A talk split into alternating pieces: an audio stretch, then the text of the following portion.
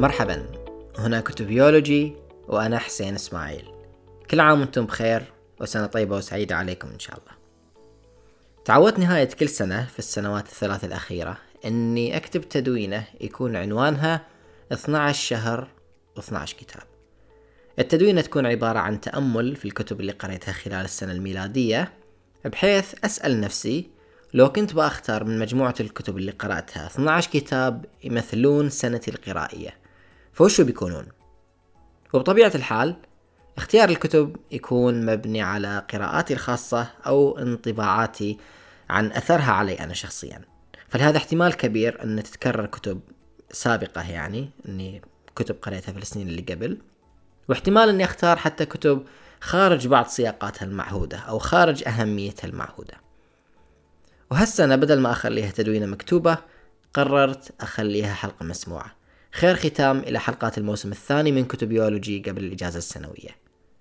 وبحاول بقدر الإمكان أن ما يكون في حرق في الأشياء اللي تنحرق فلا أحد يشيل هم وإذا عندكم أي تعليقات أو اقتراحات تقدرون ترسلوها على كتبيولوجي gmail.com أو على حساب تويتر كتبيولوجي. وإذا عجبتكم الحلقة أتمنى أنكم تشاركوها ويا اللي تحبون.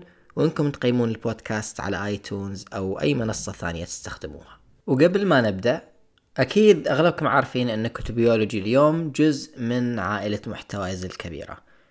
ومن باب تسهيل الوصول للمحتوى المثري من محتوايز تقدرون تشاركون في النشرة البريدية اللي بتعطيكم جرعة شهرية لصناعة المحتوى والبودكاست تحديدا سواء كانت على شكل تقارير أو تلميحات أو حلقات مميزة مختارة بعناية لكم. ورابط الاشتراك موجود في وصف الحلقة وهذه فرصة لطيفة لا تفوتوها. المهم الحين نقدر نبدأ. الكتاب الأول في قائمة 2020 هو رواية رجال في الشمس لغسان كنفاني. الرواية تتبع حكاية ثلاثة لاجئين فلسطينيين في محاولتهم لأنهم يعبرون الحدود العراقية الكويتية سعيا للعثور على وظائف تمكنهم من اكتساب لقمة العيش. وتداخل قصص هالثلاثة ويا ثيمات الاحتلال والتهجير والتشرد يخلي من الرواية عمل ثري على الرغم من قصرها يعني 96 صفحة. لكنها من الروايات اللي تحمل وياها كمية مكثفة من الألم والوجع. ومع أني قريت الرواية في يناير يعني قبل سنة تقريبا إلا أن تفاصيل الرواية ووقائعها لسه حاضرة في ذهني بقوة. ما أقدر أزيد في التفاصيل بدون ما أحرق بعض نقاط الانعطاف المحورية اللي أظنها ساهمت في صناعة ردة الفعل الصادمة أثناء قراءة الرواية فبالتالي بخليكم بهذا القدر عشان تستمتعون بأسلوبها وأسلوب كنفاني بأنفسكم. والرواية أول عمل أقرأها الكنفاني. وكنت ناوي أبدأ بأرض البرتقال الحزين ولكن أحد الأصدقاء وصاني أبدأ إما برجال في الشمس أو بعائد إلى حيفا. وبصراحة يعني أحس أن التوصية كانت في مكانها. ورجال في الشمس حتما رواية تقرأ مرارا وتكرارا. الكتاب الثاني في قائمة هالسنة هو كتاب ما هو التاريخ لإدوارد كار. الكتاب أيضا نسبيا قصير يعني أقل من 200 صفحة حسب ما أذكر. ولكنه الآخر كتاب دسم ويتطلب قراءة فاحصة. من عنوانه واضح أن الكتاب كتاب فلسفة التاريخ. يتكون الكتاب من ستة فصول المؤرخ وحقائقه المجتمع والفرد التاريخ والعلم والأخلاق السببية في التاريخ التاريخ بوصف تقدم وآخر فصل الآفاق المتسعة. ولأن الكتاب أصلا عبارة عن محاضرات ألقاها كار عام 1961 في جامعة كامبريدج فبالتالي أسلوبها مباشر وسهل يعتبر. وهو وهذا الكتاب يعني من أكثر 100 كتاب تقرأ ضمن المقررات الدراسية في تخصصات التاريخ حسب موقع Open Syllabus من حيث كونه مدخلي لفلسفة التاريخ. وكثيرا ما يحضر اسم كار في المراجع والاستشهادات سواء للنقد أو التفنيد أو البناء أو غيرها وهذا يعني السبب الرئيسي اللي خلاني أقرأ الكتاب هذا الفترة. أحس أن الكتاب في الخمسة فصول الأولى على الأقل سوى شغل ممتاز جدا في استعراض مشكلة المعرفة التاريخية ومعناها خصوصا أنه ركز بشكل كبير على دور المؤرخين في صياغة ماهية التاريخ وصياغة المعرفة التاريخية. وبغض النظر عن بعض مشاكل الكتاب النظرية أو مشاكل الفصل السادس تحديدا وكيف أن إدوارد في تحليله تجاهل العديد من النقاط اللي ذكرها في معرض كتابه. يعني كان يتكلم عن بعض الأمور اللي يقول أن المفروض المؤرخين يكونوا ملمين فيها لكنه لسبب ما تجاهلها وهو قاعد ينظر في الفصل السادس. ما أدري. لكن بغض النظر عن كل ذلك أظن أن إدوارد قدر يشرح وجهة نظر التصور النسبي للتاريخ بشكل ممتاز وهذا السبب اللي خلاني أختار الكتاب للقائمة أما الكتاب الثالث اللي وصل لقائمة 2020 ما أظن أني كنت بقرأه لولا أني أحب كرت فونيجت أساسا وأحب أطلع على فلسفته الحياتية وبعض مناظيره المثيرة للاهتمام جدا. الكتاب عبارة عن تجميع لخطب ألقاها فونيجت في حفل التخرج الجامعي لطلاب تسعة جامعات مختلفة يعني قصدي تسع حفلات تخرج.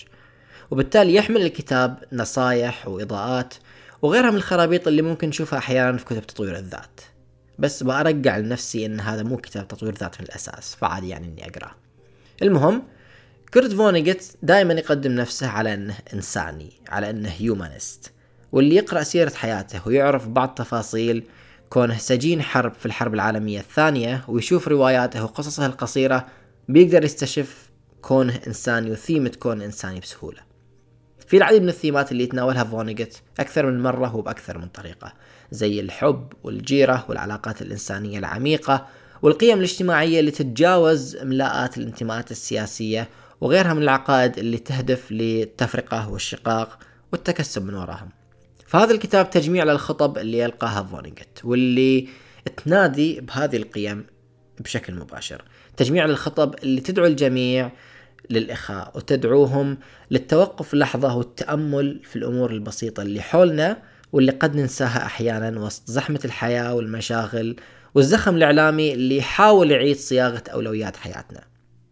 وعنوان الكتاب مأخوذ من قصة يوردها فونيجيت عن عمه أليكس أو خاله أليكس ما أدري. واللي تقول أحد الأمور التي تثير اعتراض عمي أليكس عن البشر هو أنهم نادرا ما ينتبهون حين يكونون سعداء. بل هو بنفسه كان يبذل ما بوسعه للإقرار بكون الأمور حلوة وقت ما كانت كذلك فعلا. قد نكون نشرب عصير الليمون. لا قد نكون نشرب عصير الليمون تحت ظل شجرة تفاح في الصيف. فيقطع العم أليكس محادثتنا ليقول إذا لم يكن كل هذا لطيفا فما الذي سيكون كذلك؟ فاصل قصير قبل الانتقال للكتاب الرابع.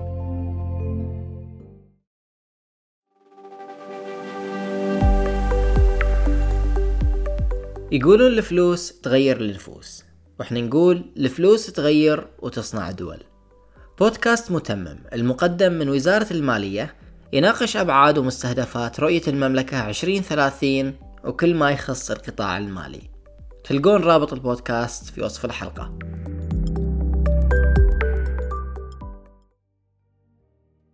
الكتاب الرابع في القائمة هو كتاب The Elements of Style. إذا في كتاب أحس أنه قدر يجبرني أني أكتب بأسلوب أوضح أو أنه يخليني أعيد التفكير دائما بطريقة بنائي للجمل فهو هذا الكتاب. أخذت على نفسي عادة سنوية أني أقرأه عشان تظل نصائح وإرشادات الكاتب حاضرة بذهني بغض النظر عما إذا كنت ألتزم فيها حرفيا أو لا. يعني المهم أنها تظل في ذهني حاضرة. وهو طبعا كتاب قصير برضه أقل من 150 صفحة. لكنه دسم ثري ومباشر يعني في قواعده وأمثلته سواء من ناحية استخدام الكلمات أو علامات الترقيم أو نصائح في تعويد النفس على الكتابة بأسلوب واضح ومباشر وفعال بغض النظر عن موضوع الكتابة. وهذا اللي أحبه فيه أنه قادر على إصداء نصائح ممتازة سواء عن شكل أو أسلوب الكتابة نفسه أو عن توضيح المحتوى أيضا. الكتاب الخامس في قائمة 2020 هو المجلد الأول من تاريخ الجنسانية لميشيل فوكو. ويعني أحس عبط أقول المجلد الأول وأنا أصلا لسه ما قريت بقية المجلدات بس إنما كان الخيار إما إني أختار المجلد الأول أو إني أختار مجموعة الحوارات والمقابلات اللي جمعت في كتاب السلطة والمعرفة. واخترت المجلد الأول مو لشيء إلا لكونه تطبيق لمقاربة فوكو. والكون هو واحد من مشاريعه الأخيرة بعد يعني مقارنة بتاريخ الجنون أو المراقبة والمعاقبة أو حفريات المعرفة وغيرها يعني نقدر نقول أن هذا الكتاب يمثل واحدة من المراحل الأخيرة في تطور مقاربة فوكو. وما أدري يعني صراحة كيف أسلوب فوكو في الكتب اللي قبل بس في هذا الكتاب كتابته جافة وتزهق ومليانة استطرادات أو حشو أحيانا باللي يضيع بعض الأفكار اللي المفترض تكون رئيسية. يعني فجأة أثناء القراءة تستوعب إن هذه النقطة كانت نقطة رئيسية. بس يعني السل هذا الكتاب مهم في فهم العديد من الثيمات والأساسيات اللي ينطلق منها طرح اليسار المعاصر فيما يتعلق مثلا بالجندر أو العلاقة بين السلطة والجسد أو مختلف السلطات حتى إن صح التعبير. يعني كيف أن السلطة ما تقتصر على طبقة أو تيار أو أي شيء ثاني بقدر ما تكون منظومات مختلفة تتقاطع وتتشابك وتفترق. أظن هذا الكتاب يعني قادر على يعني أن يكون مقدمة توليفية ممتازة للعديد من الأشياء اللي تنسب لفوكو وفي نفس سياق كتاب فوكو اخترت كتاب Gender Trouble لجودث باتلر عشان يكون الكتاب السادس في قائمة 2020 من زمان كنت مأجل قراءة باتلر لأني أدري أسلوبها عسر وهي تتعمد يعني هذا العسر والتكلف وتقول في مقدمة الكتاب أصلا أنه يلعب دور مرتبط بالتنظير اللي تسويه. لكن ما علينا. جودث باتلر تحاول في هذا الكتاب أنها تستكشف إشكاليات بعض التصورات النسوية القائمة عن الجندر وتستكشف نقاط ضعفها وقوتها في سبيل أنها تطرح تصورها الخاص. يعني بشكل عام ربما نسمع أن الجندر هو المتخيل الاجتماعي للجنس. يعني لما نتكلم عن أدوار جندرية مثلا فإحنا قاعدين نتكلم عن المتخيلات اللي تتبع الجنس اللي ننتمي إليه أو اللي يفرض علينا. يعني كلنا نشأنا في مجتمعات تمتلك تصورات محددة عن وش هي هذه الأدوار وش المفترض تكون. كيف المفروض يتصرف الرجل كيف المفروض تتصرف المرأة.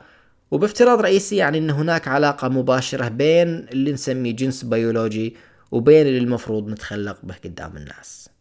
هالكتاب ما يتطرق لهذه الإشكاليات بحكم أني عاملها من الأساس على أنها أمور متجاوزة. اللي تسويه باتلر هو أنها تحاول تتعرف على الإشكاليات التصورات عن الجندر اللي ما تخلينا نرجع نطيح فخ ثنائية الذكر والأنثى من الأساس. ونظريتها أنه الجندر تمثيلي. هو أنه دور نمارسه ضمن سياقات أعقد من اللي تفترضها بعض الأطروحات. بس حسيت هذا الكتاب نقدي أكثر. يمكن كتابها الثاني بيكون أوضح في طرح نظريتها بشكل أكثر اتساقا. طبعا قرأت كتاب بتلر وكتاب فوكو عشان قاعد أحاول شوي شوي أفهم بعض الاستشهادات اللي أشوفها في المجالات اللي أحب القراءة فيها. ولسه يعني باقي الكثير من الكتب اللي أظن يعني لازم أخليها للسنين الجاية. على كل حال فاصل ونواصل.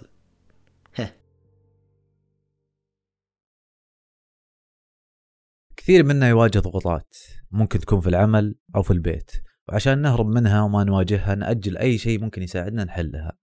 طبعا يقول بعض الأطباء بأن هذا نوع من أنواع البروكرستينيشن لحظة لحظة كانت صعبة عليك الكلمة وما فهمتها؟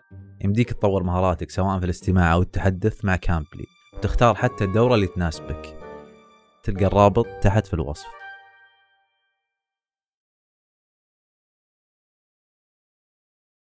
الكتاب السابع هو كتابة التاريخ في العصر العولمي للين هانت.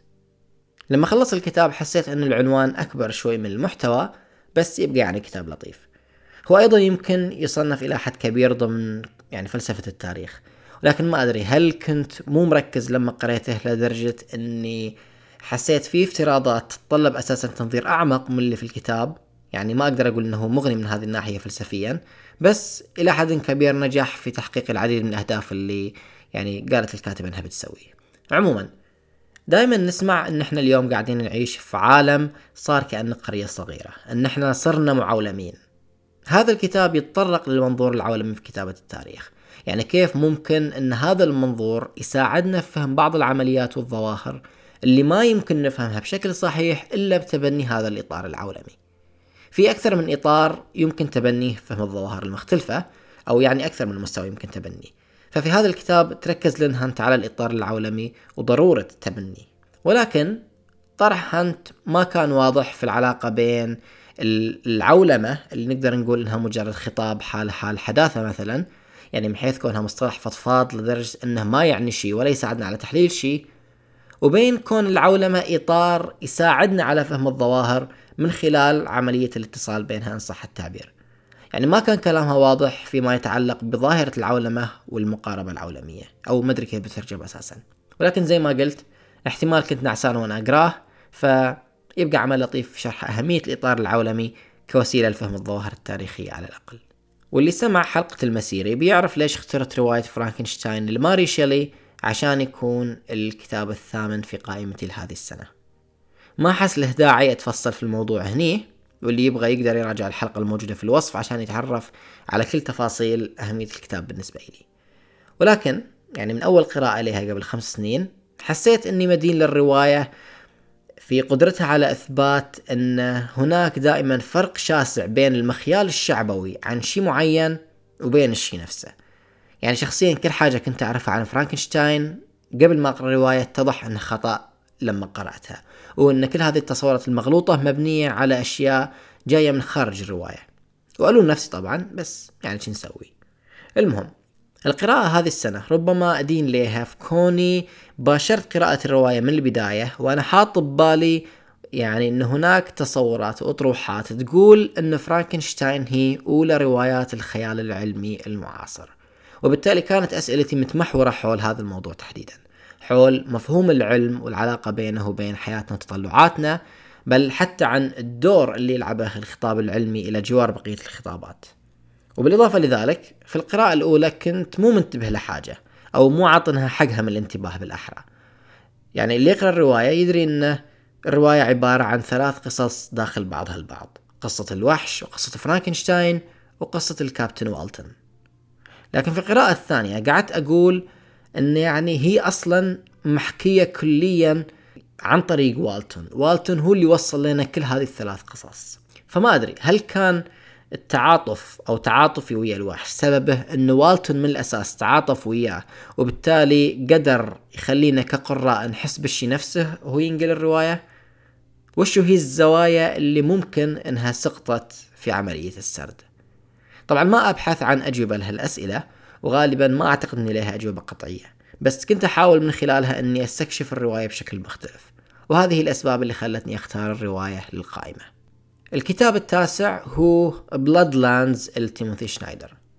الكتاب تاريخ لعنف وجرائم ومجازر نظام ستالين ونظام هتلر في الأراضي الواقعة في وسط وشرق أوروبا. هالكتاب أخذ مني وقت طويل جدا لأني كنت أضطر أوقف قراءة من هول اللي قاعد أقرأه. وما قاعد أبالغ بالموضوع.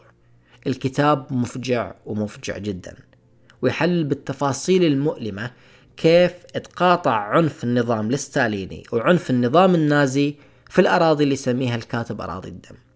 واللي يعني نهاية هذا العنف أدى في نهاية المطاف إلى تجاوز أعداد الموتى إلى عشرة مليون من المدنيين. يعني مو قاعدين نتكلم عن جنود وقتلى حرب بالمعنى المباشر مو قاعدين نتكلم عن حروب بين دول ولا حروب أهلية ولا غيرها من المسميات المضللة لا الكتاب يحاول يأرخ للملايين اللي انقتلوا كنتيجة لسياسات ستالين وسياسات هتلر من إبادات ومجازر عرقية ومجاعات سياسية وغيرها. يقدم سنايدر أطروحته ضمن إطار ال mass violence ما أدري وش مقابله بالعربي المهم أنه العنف بالجملة. العنف المبني على أجهزة الدولة الحديثة ومفاهيم الحكم وإدارة الشعوب والمصالح المرتبطة بهذه الأشياء. يعني نتكلم عن قتل مبني كليا على كووتا على نصابات معينة على خطابات توصل لأعضاء الأحزاب. أن نحتاج خلال هذا الشهر مثلا أنكم تقتلون ثلاثة آلاف شخص من هذه القرية فيروحون المسؤولين يقتلون أربعة آلاف شخص عشان ينالون إعجاب رؤسائهم. نتكلم عن عمليات الإبادة اللي تصير من خلال تكوين لجان ثلاثية. تتهم وتحكم وتنفذ الإعدامات بدون أي اعتبار لتفاصيل ملفات المتهمين ولا حاجة. لا هو في رقم محدد من القتلى لازم انهم يوصلوا. ومو نتكلم عن المجازر والمحارق ومخيمات التعذيب لليهود وبس. لا يتطرق الكتاب للمجاعات اللي تعرضوا لها الأوكرانيين للمذابح اللي تعرضوا لها البولنديين الخصومات اللي تسببت بها أجهزة الدولة بين الشعوب لصالح تمرير سياساتها الخاصة واحتلالاتها الأراضي والثروات وغيرها في ليتوانيا وما جاورها. ونتكلم أيضا عن احتلال دولة ومن ثم قتل وتهجير واغتيال اللي يسمون الطبقة المثقفة فيها من أكاديميين وأطباء ومحامين ومسؤولين حكوميين وغيرهم عشان تضمن قوى الاحتلال أن الدولة مستحيل ترجع تقوم وتنهض مثل ما كانت. ونتكلم عن أطفال في ملاجئ أوكرانيا فترة تجويع ستالين إنهم ينتظرون واحد منهم يوصل مرحلة من الوهن عشان يروحون يبدون يأكلونه. واضح إني قاعد أسترجع انفعالي شوي. المهم هذا الكتاب عظيم بقدر الوجع اللي فيه. آخر فاصل قبل ما أنتقل للثلاث كتب الأخيرة.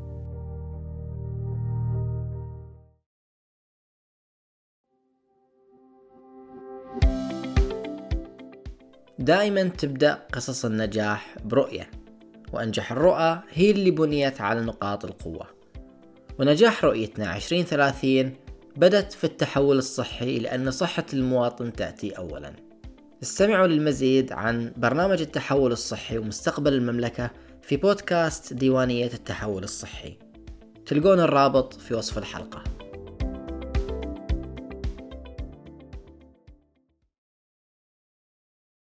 الكتاب العاشر اللي اخترته لقائمة هذه السنة هو الفتاة الحديثة أو الفتاة العصرية حول العالم.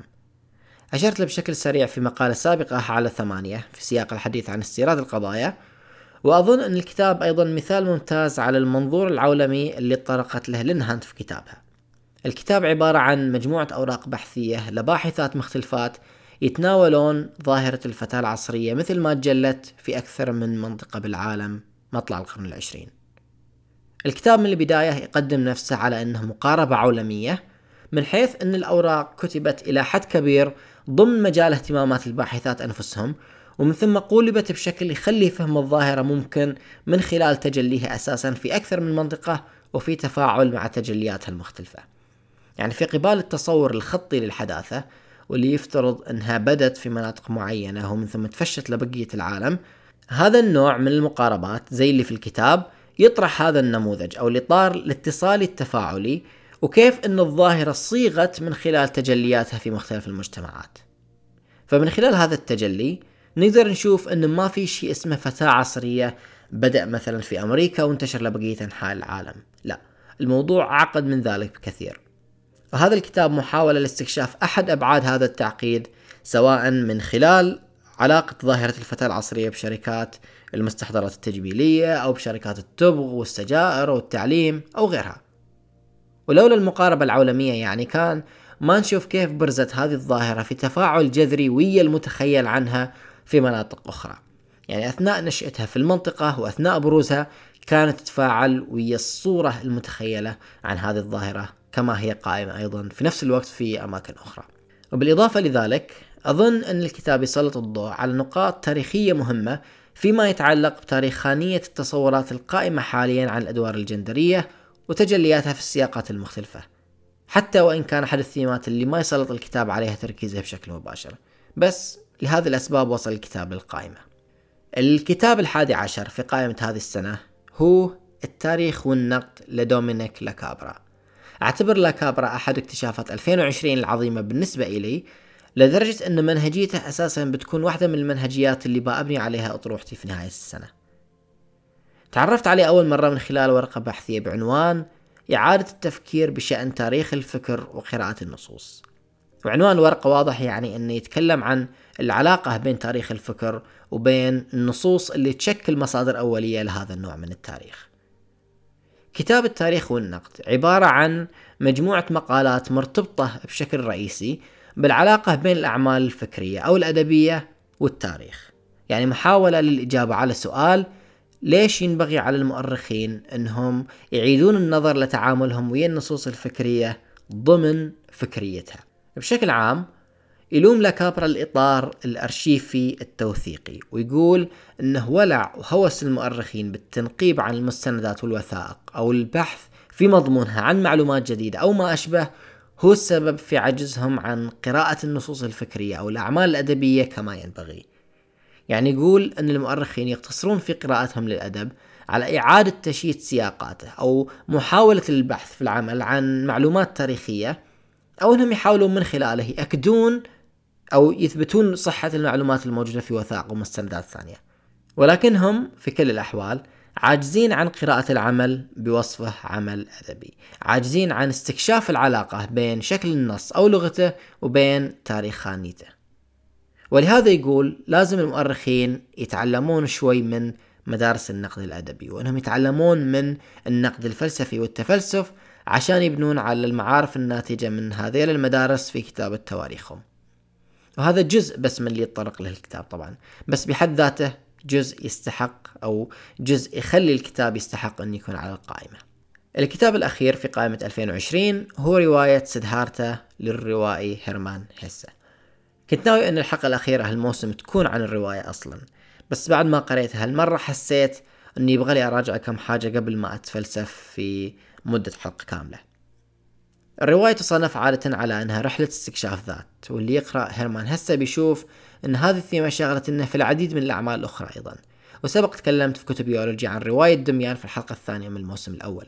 وتكلمت فيها عن اللي سموه رواية تشكيل الذات وكيف إن الفرد تجيه لحظات نقدر نقول إنه يصير له فيها انكشاف ذاتي بحيث ينعتق من العديد من الأمور اللي كانت تقيده سابقا على سبيل المثال. وغيرها يعني في ألف نوع من هذه التشكلات ولكن بطبيعة الحال اختزاله في تصور وحيد. رواية سدهارثا ممكن تصنف على أنها رواية تشكل ذات روحانية لأن بطلها قاعد يستكشف وش أنسب وسيلة توصله للنيرفانا كيف المفروض أنه يعيش عشان يوصلها. وربما أنا قاعد أبجل نقطة الانعطاف الخطأ يعني حسب سياق الرواية بس إنما هي اللي أحسها إنها كانت الملفتة بالنسبة لي في هذه القراءة. اللي قرأ الرواية يعرف إنه واحدة من صحوات سيدهارثا كانت صحوة في اكتشاف مادية العالم إن صح التعبير. هذه نقطة الانعطاف اللي أعنيها الفصول المرتبطة بداية استكشاف هذه الصحوة هي اللي أحسها لامستني بشكل كبير مقارنة بغيرها. وبغض النظر عن نهاية الرواية والأحداث اللي صارت في الأخير أظن أني كنت دائما أرجع لنقطة الانعطاف هذه وأقيس باقي الأمور عليها. في أشياء واجد مثيرة للاهتمام في اكتشاف سيدهارثا الأبعاد المادية للعالم والحياة اللي نعيشها وكيف أن المعاني اللي تكتسبها الأشياء المختلفة وأولويات حياتنا ما هي مرتبطة بمفاهيم ما ورائية تقرر لنا كل شيء وهذا يفسر جزء من تحول سيدهارثا من شخص ما يهتم بالفلوس والعلاقات والأكل إلى شخص مهووس بأكلها بس أحس يعني أن هذه الأمور بتكون أوضح في الحلقة المستقلة لها هذه كانت قائمتي لأفضل 12 كتاب قريتهم في 2020 وإن شاء الله 2021 تكون سنة أحلى وأطيب على الجميع. هذا كل اللي بغيت أقوله في هذه الحلقة وشكرا لاستماعكم.